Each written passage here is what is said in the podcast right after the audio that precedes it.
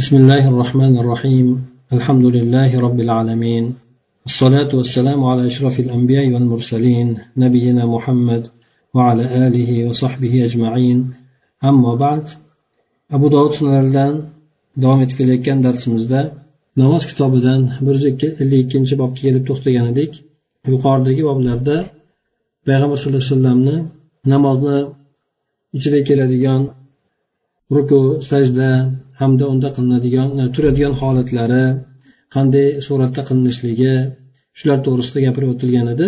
Endi mana bu bobda esa o'sha e, rukuda hamda sajdada duo qilishlik to'g'risidagi bob deb abu dovud rahimalloh e, nom qo'yadi. sakkiz yuz yetmish beshinchi bo'lgan hadisda bu hadisni sumayya mavlo abi bakr ya'ni shu orqali bu aytadiki أنه سمع أبا صالح ذكوان يحدث عن أبي هريرة رضي الله عنه أن رسول الله صلى الله عليه وسلم قال أقرب ما يكون العبد من ربه وهو ساجد فأكثروا الدعاء bu hadisni imom muslim ham rivoyat qilgan ekan demak sumayya abu bakrni mavlosi sumay aytadiki bu abu solih yana abu solih abu roziyallohu anhuni shogirdlari bo'lgan bu kishida shunday deyayotganligini eshitgan ekan. Yana abu hurra roziyallohu anhudan hadis aytayotganligini eshitgan. Abu hurayra roziyallohu anhu esa rasululloh sollallohu alayhi vasallamni shunday deyayotganligini rivoyat qiladi. Ya'ni banda sajda bo'lib turgan holatida robbisiga eng yaqin bo'ladi. Ya'ni banda eng yaqin bo'ladigan holati robbisiga u sajda bo'lib turgan holatidadir. Duoni ko'paytiringlar deb payg'ambar sallallohu alayhi vasallam aytib o'tdilar. Mana bu hadisda inson o'zini qanchalik hokisor tutadigan bo'lsa allohni huzurida shunchalik alloh taologa yaqinroq bo'ladi. Inson mana eng unda sharafli bo'lgan joylardan birisi peshonasi yoki boshi. O'sha narsani yerga qo'yishligi bu albatta insondagi bo'lgan hokisorlikni ifoda qiladi. Tavozuni kamtarlikni ifoda qiladi. Mana bu narsa esa alloh taolo yaxshi ko'rgan narsalardan bo'lganligi uchun payg'ambar sallallohu alayhi vasallam bu hadislarida banda robbisiga eng yaqin bo'lgan holati sajda bo'lgan sajdada bo'lgan holati deb aytdilar. Ana endi banda sajda qilib turgan paytida yuzini peshonasini yerga qo'yar ekan. Bunda nima qilishligi to'g'risida payg'ambar alayhissalom yo'llab aytdilarki duoni ko'p qilinglar dedi. Duo qilishlik bu o'rinda foydalanib qolishlik. Ya'ni banda alloh taologa eng yaqin bo'ladigan holatlar ba'zida bo'lib qoladi. Ana o'sha holatlar bo'lgan paytida banda bundan alloh taologa duo qilishlik yolvorishlikda foydalanishligi ta'kidlaniladi. Mana bu yuqoridagi bo'lgan hadislarda aytib o'tildi. Mana quyidagi bo'lgan hadislarda ham keltirib o'tiladi. Albatta duo qilishlik e, tasbeh aytgandan keyin bo'ladi. Avvalo subhana robbiyal alo deb tasbeh aytadi. Ana undan keyin inson ko'plab duo qilishligi mumkin bo'ladi. Xosatan inson o'zi o'qiyotgan nafl namozi bo'ladigan bo'lsa sunnat namozlari bo'ladigan bo'lsa bunda o'zini o'zi e, vaqtini boshqarib turganligidan xohlagancha duo qilishligi mumkin bo'laveradi. Albatta jamoat bilan birga o'qilayotgan paytida esa u imom bo'ladigan bo'lsa orqadagi qavmni ham rioya qilishligi kerak bo'ladi. Shuning uchun ko'p holatlarda faqat e, tasbehni o'zigagina chegaralanadi. Endi ba'zi olimlar aytadiki agar inson nafl ibodati bo'ladigan bo'lsa yoki sunnat ibodatlari bo'ladigan bo'lsa payg'ambar sallallohu alayhi vasallam bu yerda duo qilishlikka buyurdilar boshqa arab bo'lmagan odamlar nima qiladi degan savolga aytishadiki ya'ni agar odam biladigan bo'lsa qur'oniy duolarni sunnatda kelgan duolarni biladigan bo'lsa shu narsalarni aytib duo qilganligi afzal bo'ladi. Agar bular inson o'zini hojatini so'ramoqchi bo'ladigan bo'lsa arab tilini biladigan bo'lsa yaxshiroq arab tilini bilmaydigan bo'lsa unda tasbeh aytgandan keyin o'zini tilida ham alloh taolodan duo qilib so'rashligi bo'laveradi deb aytishadi lekin farz namozlariga keladigan bo'lsak imom ahmad aytganlar bunda aslida farz namozlarda ko'proq qur'oniy bo'lgan yoki sunnatdagi bo'lgan duolar o'qilishligini afzal bilaman deb aytgan ekan sakkiz yuz yetmish oltinchi bo'lgan hadisda bu hadisni abdulloh ibn abbos roziyallohu anhudan rivoyat qilinadi u kishi aytadilarki أن النبي صلى الله عليه وسلم كشف الستارة والناس صفوف خلف أبي بكر فقال يا أيها الناس إنه لم يبق من مبشرات النبوة إلا الرؤيا الصالحة يراها المسلم أو ترى له. وإني نهيت أن أقرأ راكعا أو ساجدا فأما الركوع فأعظموا الرب فيه وأما السجود فاجتهدوا في الدعاء فقامين أن يستجاب لكم. عبد الله بن عباس رضي الله عنه bu hadislarida aytadilarki payg'ambar sallallohu alayhi vasallam ya'ni umrlarini oxirgi davrlarida kasal bo'lib qolgan paytlarida imomatchilikka imomlikka chiqolmaydilar shunda abu bakr roziyallohu anhuni odamlar bilan imomlik qilib namoz o'qib berishligini bu kishi buyuradi. Shunda abu bakr roziyallohu anhu odamlarga imom bo'lib namoz o'qiydi. Ana o'sha paytda payg'ambar sallallohu alayhi vasallam demak pardani ko'tarib masjid tomoniga qaradilar. Payg'ambar alayhissalomni uylari masjidga qo'shni bo'lgan edi. Masjidga u kishini uylaridan eshik bor edi. Demak o'sha joydagi pardani ko'tarib payg'ambar alayhissalom qaradilarda odamlar esa musulmonlar sahobalar abu bakr roziyallohu anhuni orqalarida saf saf bo'lib turishar edi. Ana o'sha paytda payg'ambar sallallohu alayhi vasallam aytdilarki odamlar dedi. Bu payg'ambarlik xushxabarlaridan faqatgina solih bo'lgan tushlargina qoldi xolos. Ya'ni payg'ambarlikdan payg'ambar sallallohu alayhi vasallam vafot etib ketadigan bo'lsa payg'ambarlik ko'tariladi. Faqatgina aytgani to'g'ri bo'lishligi mumkin bo'lgan solih tushlargina qoldi xolos deb aytgan ekanlar. Buni solih bo'lgan tushni albatta musulmon bo'lgan odam ko'radi yoki bo'lmasa u musulmon uchun ko'riladi degan. Demak e, boshqa bir hadislarda ham keladi. Solih bo'lgan tush ya'ni yaxshi bo'lgan solih bo'lgan tush payg'ambarlikni qirq oltidan biri deb keladi. Qirq oltidan biri deb aytilishligini sababi payg'ambar sallallohu alayhi vasallam risolatni avvalda payg'ambar bo'lishligini avvalida olti oy muddatda bu kishi tush ko'rgan ekanlar. Ana o'sha olti oy ya'ni yigirma uch yil muddat payg'ambar bo'lib yashagan bo'lsalar o'shani olti oyi ya'ni qirq oltidan biri hisoblanadi. O'shanda payg'ambar alayhissalom yaxshi tushlar tushlar ko'rishligi har xil suratlarni payg'ambar alayhissalom bayon qilib o'tgan. Aslida payg'ambarlarni tushlari ham haqiqat bo'ladi. Ana o'shandan payg'ambar alayhissalom demak solih bo'lgan odamni musulmon bo'lgan odamni ko'radigan tushi ham o'sha agar to'g'ri bo'ladigan bo'lsa payg'ambarlik xushxabarlardan biri bo'lib qoladi deb aytgan. Lekin tushga aloqador bo'lgan hukmda esa tushdan hech qanaqangi hukm olinmaydi. Lekin tush bu payg'ambar alayhisalom o'zi xabar bergandek mubashshirot bo'ladi xolos. Ya'ni xush xabar beruvchi narsa bo'ladi xolos. Undan nariga o'tmaydi. Albatta inson har qanaqangi tush ko'rishlikdan qat'iy nazar undan hech qanaqangi shariatda hukm olinmaydi. U kimsa kim bo'lishligidan qat'iy nazardir. Shuning uchun ahli sunnani e'tiqodida bular tushlardan hech qanaqangi hukm olinmaydi. Faqatgina tushlar agar yaxshi solih tushlar bo'ladigan bo'lsa u narsa insonga xushxabarlikni bildiruvchi bo'ladi xolos deb aytishadi. Buni albatta bu hadisda ham aytib o'tdi musulmon odam ko'radi dedi. Chunki solih bo'lgan tush musulmon odam ko'radigan tush bo'ladi yoki musulmon odam uchun ko'riladi. Ba'zida bir odam aytadiki men tushimda sizni unday unday holatida ko'rdim deb aytadi. Yoki o'sha holatni o'sha musulmon odamni o'zi ko'rgan bo'ladi. Ana o'sha narsadan ba'zan xush xabar olinadi. Demak inson o'zi yaxshilikka yo'yib turib agar tushini tabirini qiladigan bo'lsa yaxshilikka yo'yib turib ha bunday narsa bo'lishi kerak bo'lsa bo'lsa kerak ekan bo'lmasa yoki bunday narsa bo'lishligi mumkin ekan deb inson ba'zan e, tushini yaxshilik tomoniga yo'yadida shundan o'zini taraddudlarini ko'rib bir xursandchilik bilan o'zini ko'nglini ko'taradi. Shuningdek yomon bo'ladigan tushlar bo'ladigan bo'lsa albatta inson istig'for aytadi. E, Shayton rojim deb chap tomoniga tuflaydi. Agar yomon tush bo'ladigan bo'lsa albatta alloh taologa istig'for aytadi. Ba'zan esa inson sadaqa berishligi agar yomon bir holatni ko'radigan bo'lsa sadaqa baloni rad qiladi raddi baloyim deb aytiladi rivoyatlarda. Kelishligi mumkin bo'lgan balolarni ham oldini oladi. Ana o'shandan sadaqa qilishlik yoki bo'lmasa boshqa yaxshi amallarni qilishlik o'shanday balo kelishligini oldini ham olishligi mumkin bo'ladi. Yana payg'ambar sallallohu alayhi vasallam bu hadislarni davom ettirib aytadilarki men ruku qilgan holatda yoki sajda qilgan holatimda qur'on o'qishligidan qaytarildim degan. Demak bu narsa e, hikmati alloh taoloni o'ziga ma'lum. Yuqorida ham mana quyidagi bo'lgan hadislarda ham aytib o'tiladi. Ya'ni ruku bo'ladigan bo'lsa unda rob azza jallani ulug'langlar degan hamda sajda bo'ladigan bo'lsa alloh taoloni buyuk deb bilinglar shunda. Ya'ni alo kalimasi oliyni ifoda qiladi shu narsani aytib alloh taologa tasbeh aytinglar deb keladi. Shundan inson ruku qilgan paytida yoki sajda qilgan paytida qur'on o'qishligidan qaytarilganligi. Bu narsa payg'ambar alayhisalom o'zi qaytarilganligi ummat uchun ham qaytaruv hisoblanadi.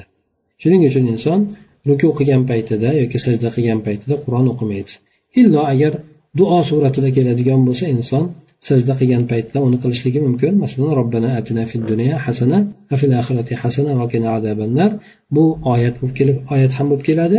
Inson agar bu bilan duoni qasd qilib o'qiydigan bo'lsa bu narsa joiz bo'laveradi. Lekin qiroat qilib tilovat qilishligi ruku o'qib turgan paytda ham sajda qilib turgan paytida ham joiz emas ekan.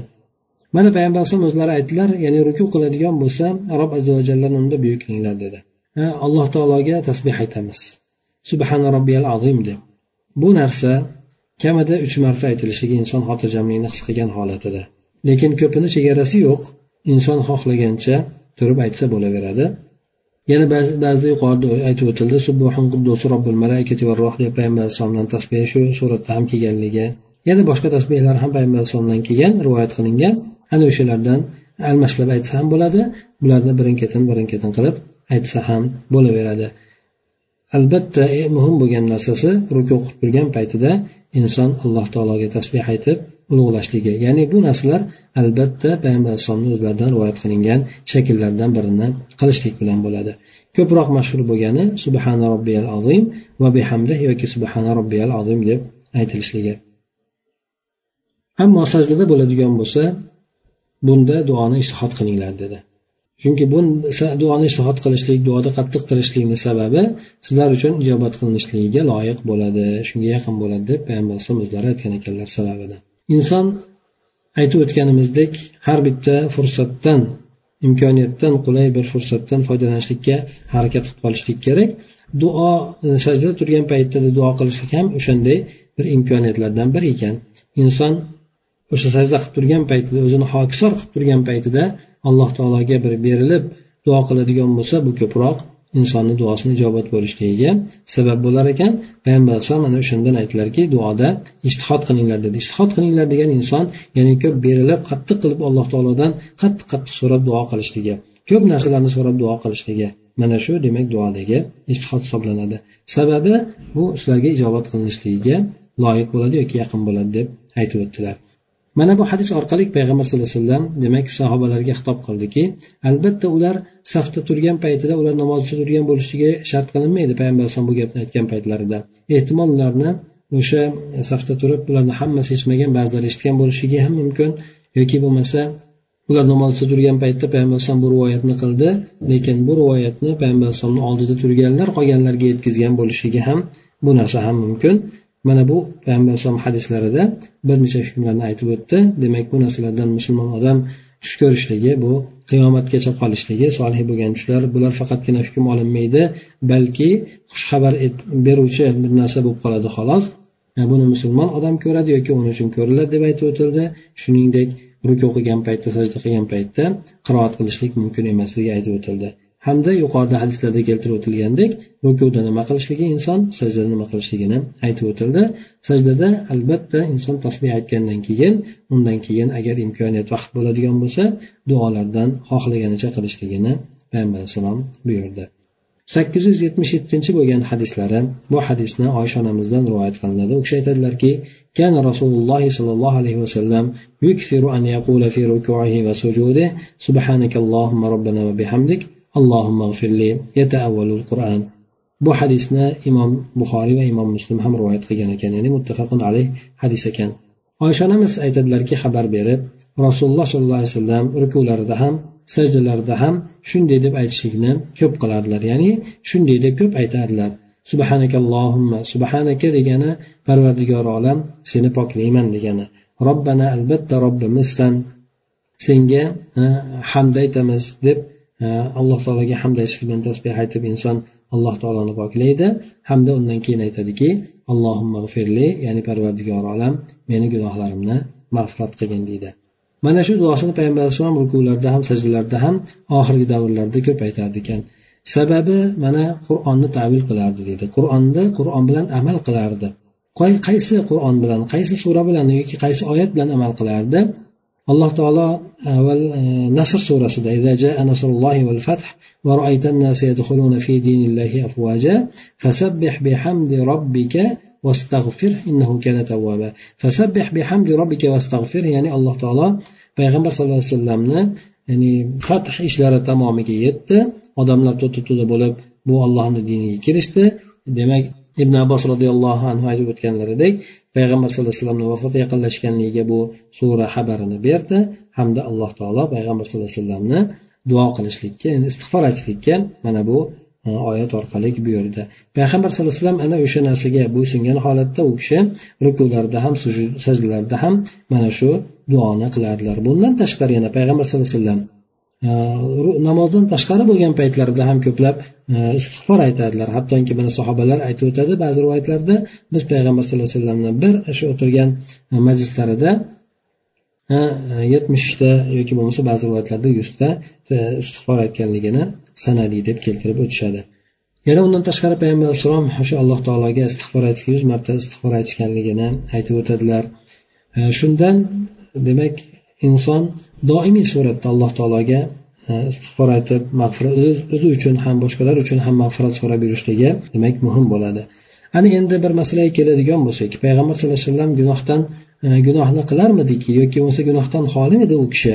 E, mana nima uchun alloh taolo u kishini istig'for aytishlikka buyurdi shunchaki ummati u kishidan o'rnak olishligi uchunmi yoki bo'lmasa u kishini o'zlari ham bu narsaga muhtoj bo'larmidilar olimlarni bu borada ikki xil gaplari bor ekan. Lekin e, muhaqqiq bo'lgan olimlarni aytgan gapi shuki payg'ambar sallallohu alayhi vasallam albatta gunoh kabiralardan hamda insonni obro'siga putur yetkazib qo'yadigan gunohlardan bu kishi ma'sum edilar bu gunohlardan u kishi xoli edilar. Lekin umumiy suratda bu kishi gunohlarni hammasidan xoli bo'lmaganlar. Albatta payg'ambar alayhissalomda ham ma'lum bir gunohlar bo'lardi. U kishi ham insoniylik nuqtai nazaridan ba'zi gunohlar bu kishida ham sodir bo'lardi. Mana alloh taolo ba'zi e, ishlariga ko'ra u kishini qur'onda itob ham qilgan. Abasa va tavalla degandagi yoki bo'lmasa ya'ni u kishi yuz burishtirgan yuz o'girganligi undan tashqari nima badrdagi asrlar to'g'risida kelgan e, voqea o'sha voqeani tafsiloti kelgan surada aytib o'tiladiki agar alloh taolo tomonidan bir kitob o'tmaganda edi sizlar olgan narsalarda sizlar chiqargan hukmlarda sizlarga alloh taolo tomonidan bir azob qattiq ushlashligi mumkin edi. Ushlar edi yoki deb e, alloh taolo e, anfol surasida aytib o'tadi. Bu suradagi holatda e, tushunadigan bo'lsak badrda jang bo'lgandan keyin musulmonlar bir qancha asrlarni mushuklarni asir olishadi. Ana o'shandan keyin payg'ambar sallallohu alayhi vasallam maslahat qiladi. Abu bakr va umar bilan ya'ni asrlar borasida nima qilamiz deb turib. Abu bakr roziyallohu anhu o'zini tabiati muloyimligi bo'lganligi uchun ularni qo'yib yuborishlik ya'ni xun e, to'lashlik ya'ni badal muqobilda ularni qo'yib yuborishligini bu kishi maslahat beradi? E, Umar roziyallohu anhu esa u kishi o'sha asllarni o'ldirib yuborishligini payg'ambar alayhisalomga maslahat beradi. Payg'ambar sallallohu alayhi vasallam esa o'zini u kishi ham tabiatlari bilan abu bakrni fikrlariga moyil bo'lib e, bular asrlarni o'sha mablag' olishlik orqali qo'yib yuborishlikni qarorini berishadi. Shundan keyin oyat umarni fikrini qo'llab oyat nozil bo'ladi. Ana o'shanda aytdiki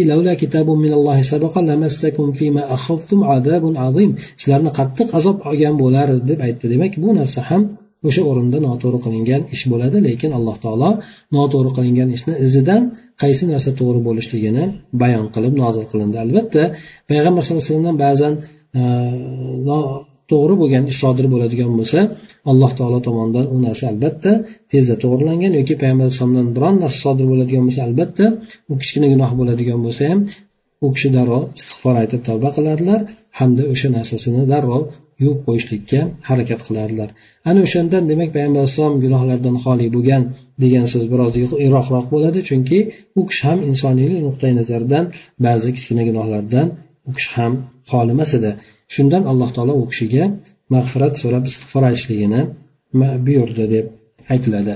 Albatta u kishiga bo'lgan buyruq boshqalar esa u kishi darajasida emas shuning uchun ko'plab istig'for aytishlik bizlar avvalo ya'ni payg'ambar alayhisalomdan ham ko'ra ko'proq bizlar istig'for aytishlikka ma'mur bo'lamiz.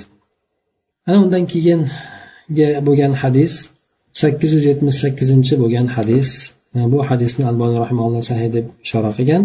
bu hadisni ham abu roziyallohu anhudan abu dovud rivoyat qiladi u kishi aytadilarki anna nabiy sallallohu alayhi vasallam kana yaqulu fi sujudihi allohumma g'firli ذنبي كله دقه وجله وأوله وآخره وزاد ابن الصرح alaniyatahu va sirra bu hadisni imom muslim ham rivoyat qilgan ekan abu roziyallohu anhu rivoyati bo'yicha payg'ambar sallallohu alayhi vasallam sajdalarda aytar ekanlarki allohimma filli dambi kulla allohim meni hamma gunohimni kechirgin va bu kishi ham aytib o'tganimizdek albatta bu gunohdan xoli emas ekanligiga dalolat qilmaydi bu ham. Ya'ni u kishi gunohdan xoli ekanligiga dalolat qilmaydi balki gunohi bo'lganligiga mana bu rivoyat ham dalolat qilar ekan. Shundan demak hamma gunohlarimni kechirgin deb payg'ambar alayhissalom demak sajdalarda duo qilardi. Diqqahu vajilla diqqa degani noziklarini kichkinalarini ham kattalarini ham mag'firat qilgan. Avvalgilarni oxiratini oxirgilarni ya'ni avvalda bo'lganlarni keyinda bo'ladiganlarni ham o'zing mag'firat qilgin deb alloh taolodan so'rardi. Yana boshqa bir rivoyatda ziyodasi kelgan ekanki uni oshkor bo'lganlarini ham sirran maxfiy bo'lganlarini ham o'zing kechirgin deb e, payg'ambar sallallohu alayhi vasallam duo qilar ekanlar. Payg'ambar sallallohu alayhi vasallam bu duolarida demak kichkina duo bilan boshladilar. Albatta kichkina duo insonni birinchi qiladigan gunohlari kichkina gunohlar bo'ladi. Sekin sekin to'planib to'planib katta gunohlarga inson jur'at qiladigan bo'ladi. Yoki kichkina gunohlarda inson qattiq e, turib olib o'shani davom ettiraveradigan bo'lsa bu narsa kichkina gunohni mensimaganligidan katta gunohlik gunohga ham aylanib qoladi. Ana shuning uchun payg'ambar alayhisalom allohu alam kichkina gunohlardan boshladilar. Kichkinayu katta bo'lgan gunohlarni men uchun kechirgin garchi katta gunohlardan payg'ambar sallallohu alayhi vasallam xoli bo'lgan bo'lsalarda avvaldagi bo'lib o'tgan gunohlarim bo'lsin oxiridagi keyindagi bo'ladigan gunohlarim bo'lsin oshkor qilgan yoki sirdan qilgan gunohlarim bo'lsin hammasini mag'firat qilgin dedi. Albatta biron narsa payg'ambar alloh taologa maxfiy emas. Ho u inson oshkor qilayotgan ishi bo'lsin yoki maxfiy suratda qilayotgan ishi bo'lsin lekin bu narsa insonni o'ziga nisbatan maxfiy holatda qilayotganligi yoki bo'lmasa oshkor holatda qilayotgan shu gunohlari bo'ladigan bo'lsa bu narsalarni hammasini alloh taolodan mag'firat so'radilar. Albatta bu kishini bunday deb sajda duo qilishligi biz uchun qolaversa ibrat bo'ladi. Shundan biz ham sajdada ko'proq istig'forni aytishligimiz alloh taolo shu gunohimizni kechirishligi allohga eng yaqin bo'lib turgan paytimizda biz so'raydigan muhim bo'lgan narsalardan bittasi gunohlarimizni o'tishligi kechirishligini so'rashligimiz bo'ladi. Chunki inson zoti borki albatta gunohdan xoli emas. Bani adama lekin e, hamma inson ham albatta gunohdan xoli emas gunoh qiladi. U ho olim bo'lsin ho johil bo'lsin. Lekin gunohkorlarni eng yaxshisi bular tavba ko'p tavba qiluvchilar deydi alloh taolo tavba qiluvchilarni juda qattiq yaxshi ko'radi. Hattoki mana hadislarda keladi alloh taolo bandasi agar tavba qiladigan bo'lsa juda juda xursand bo'lishligi hattoki buni qiyoslab bir sahroda sahroga safarga chiqqan lekin uxlab qolib u yonida bo'lgan tuyasi hamma narsa ustida ya'ni yemak ichmagiyu hamma narsasi unisi bo'lgan tuyasi qochib ketib qoladi. Ana o'sha narsani inson izlab izlab holdan toyib o'zidan ketib uxlab qoladida yerga yiqilib qoladi. Shunday ko'zini ochib bir muddat turadigan bo'lsa tuyasi oldida turgan bo'ladi. Ana o'shanda inson qanchalik xursand bo'ladi? Alloh taolo bundan ham ko'ra xursand bo'lishligini hadisda aytib o'tilgan. Demak inson alloh taologa yaxshi ko'rgan narsasini ko'proq qilish kerak. Alloh taolo tavba qilishligini insondan ko'p e, yaxshi ko'rar ekan. Chunki insonni tabiatini alloh taolo biladi. O'ziga qanday tabiat bilan yaratganligini alloh taolo o'zi yaxshi biluvchi. Shuning uchun insonni ko'p istig'for aytishlikka ko'p tavba qilishlikka ko'p o'rinlarda qur'onda bo'lsin hadisda bo'lsin buyurilgan hamda ana o'shalarni jumlasidan mana bu hadis ham shuni ifoda qilar ekan. sakkiz yuz yetmish to'qqizinchi bo'lgan hadisda esa bu hadisni oysha onamizdan rivoyat qilinadi. Bu kishi aytadilarki faqattu rasululloh sollallohu alayhi vasallam ذات ليلة فلمست المسجد فإذا هو ساجد وقدماه منصوبتان وهو يقول أعوذ برضاك من سخطك وأعوذ بعافاتك من عقوبتك أعوذ بك منك لا أحصي ثناء عليك أنت كما أثنيت على نفسك bu hadisni imom muslim ham rivoyat qilgan ekan oysha onamiz aytadilarki bir kuni bir kechasida rasululloh sollallohu alayhi vasallamni yo'qotib qo'ydim dedilar ya'ni payg'ambar sallallohu alayhi vasallam oysha onamizni navbati bo'lganlarida oysha onamiz bilan birga yotgan paytlarida oysha onamiz u kishini to'shakda yo'qotib qo'yadilar. Ya'ni qarasa to'shakdan payg'ambar alayhisalom turib ketgan bo'ladi. Masjidni siypadim deydi qaradim. Masjidni siypadim deydi. Ya'ni qorong'i bo'lganligi uchun inson ko'rmaydi albatta masjidni qaradi masjiddan murod bu payg'ambar sallallohu alayhi vasallam o'sha oysha onamizni uylarida ibodat qiladigan joyi. Muayyan bir joyda payg'ambar alayhisalom o'sha yerda ibodat qiladigan bo'lsa o'sha u kishini sajdagoh o'rni bo'ladi. Ana o'sha joyda oysha onamiz ya'ni qorong'ida kelib turib boypaslar bunday axtarganligini aytyapti. Albatta payg'ambar alayhisalomni masjidga chiqib olib u yerda qilmagan. Payg'ambar alayhisalomni o'zlari o'sha oysha onamiz uyidagi bo'lgan payg'ambar alayhissalomni o'qiydigan joylarini qaraganligini aytyapti.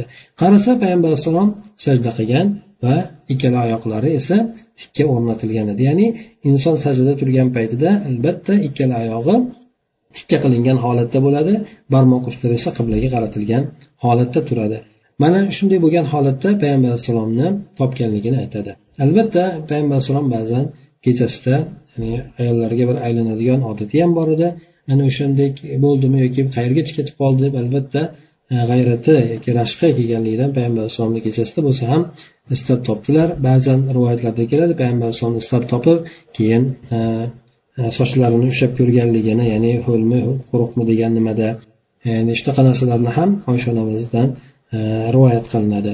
Ya'ni o'zlari ehtimol hayzda bo'lsa boshqa ayolga borganmi yoki yo'qmi deb o'sha sochlaridan hatto ushlab ko'rardilar deb aytadi. Bu albatta ayol kishidagi bo'lgan rashkni kuchliligini ifoda qiladi. Payg'ambar sallallohu alayhi vasallam sajdada turgan paytlarda mana shu duoni qilar ekanlar alloh taolodan panoh so'rardi.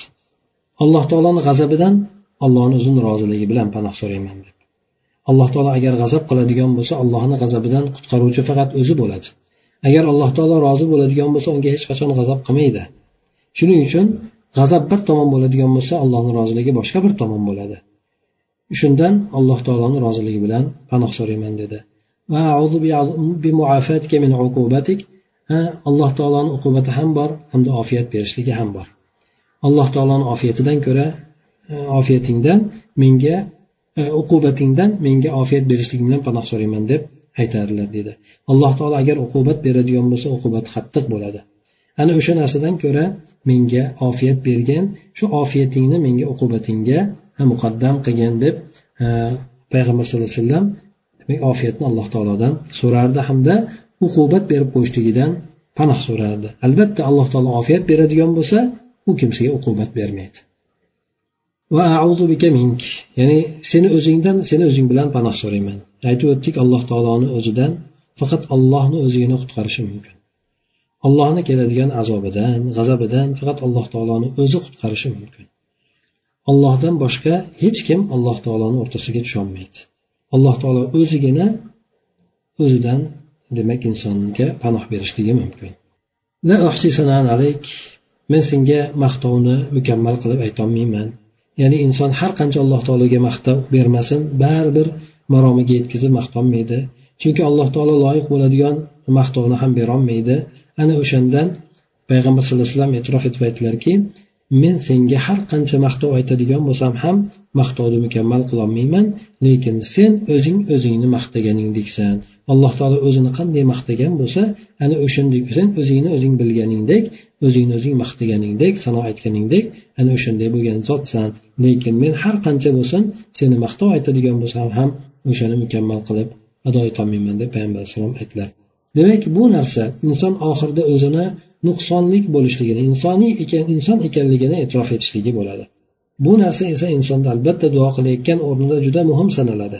Inson o'zini nuqsonli ekanligini o'zini inson oddiy banda ekanligini e'tirof etishligi ko'proq uni duosini ijobat bo'lishligiga sabab bo'ladi. Shuning uchun payg'ambar alayhissalomni duolarida yoki alloh taolo o'rgatgan duolarda ham qaraydigan bo'lsak inson ko'proq o'zini oddiy insoniy ekan inson ekanligini shu narsani e'tirof etgan holatda gunohlari ko'p ekanligini o'zi nuqsonli ekanligini e'tirof etgan holatida alloh taolodan so'raydigan bo'lsa alloh taolo ko'pincha bunday qilingan duoni ijobat qilinadi. Ana o'shandek suratlarda mana bu hadisdan payg'ambar alayhissalom alloh taoloni e, maqtov aytib turib alloh taolodan o'sha qudratlarini alloh taoloni qanchalik qodir ekanligini e, bayon etib turib hamda inson o'zini qanchalik ekanligini e'tirof etib bu yerda alloh taolodan duo qilib panoh so'radi. Mana shu demak inson e, bu yuqorida kelgan hadislarda aytib o'tildi. Biroz tafsilotini kengroq qilib aytib o'tdik. Э, lekin э, duoga inson ko'proq berilishligi xosatan e, namozda inson duo qilsa ijobat bo'ladigan o'rinlari bor. Bu o'rinlardan eng e, yaqinroq bo'lgani sajdada turgan paytda qiladigan duosi. Bunda inson duoda ishtihod qilib qolishi kerak. Undan tashqari inson salom berishligidan oldin ham tahiyatu salovatlardan bo'shagandan keyin qiladigan duosi ham o'sha paytida ijobat bo'ladigan vaqtlardan birisi sanaladi. Shuningdek inson agar unda ham duo qilishlikka unchalik imkoniyati bo'lmagan bo'lsa namozni tugatgandan keyin ham o'sha namozgohda o'tirgan holatda duo qiladigan bo'lsa bu o'rinda ham insonni duosi ijobat bo'ladigan o'rinlardan birisi hisoblanadi. Agar inson birisini qo'ldan boy beradigan bo'lsa ikkinchisi ikkinchisi qo'ldan boy beradigan bo'lsa uchinchisini foydalanib qolishlik kerak. Agar uchalasida ham inson duo qiladigan bo'lsa bu narsa albatta nur ustiga nur bo'ladi. Inson e, alloh taolo insonni so'rashligini yaxshi ko'radi so'ramasa g'azab qiladi. Shundan inson hamma narsasini so'rashlikka harakat qilishlik kerak xosatan sajdada turgan paytida nafl e, e, sunnat namozlarini o'qiyotgan paytlarida. Agar unda imkoniyat topolmaydigan bo'lsa albatta farz namozlarda bo'lib namozni tugatgandan keyin inson o'zi yakka suratda alloh taologa duo qilib xohlagancha xohlagan narsani so'rashligi mumkin bo'laveradi bu ham ijobat bo'ladigan o'rinlardan biri hisoblanadi ya'ni inson qanday bir yaxshi amalni qiladigan bo'lsa orqasidan qilinadigan duo ko'proq ijobat bo'lishlikka sabab bo'ladi سبحانك اللهم وبحمدك نشهد أن لا إله إلا أنت نستغفرك ونتوب إليك اللهم انفعنا بما علمتنا وعلمنا ما ينفعنا وزدنا علما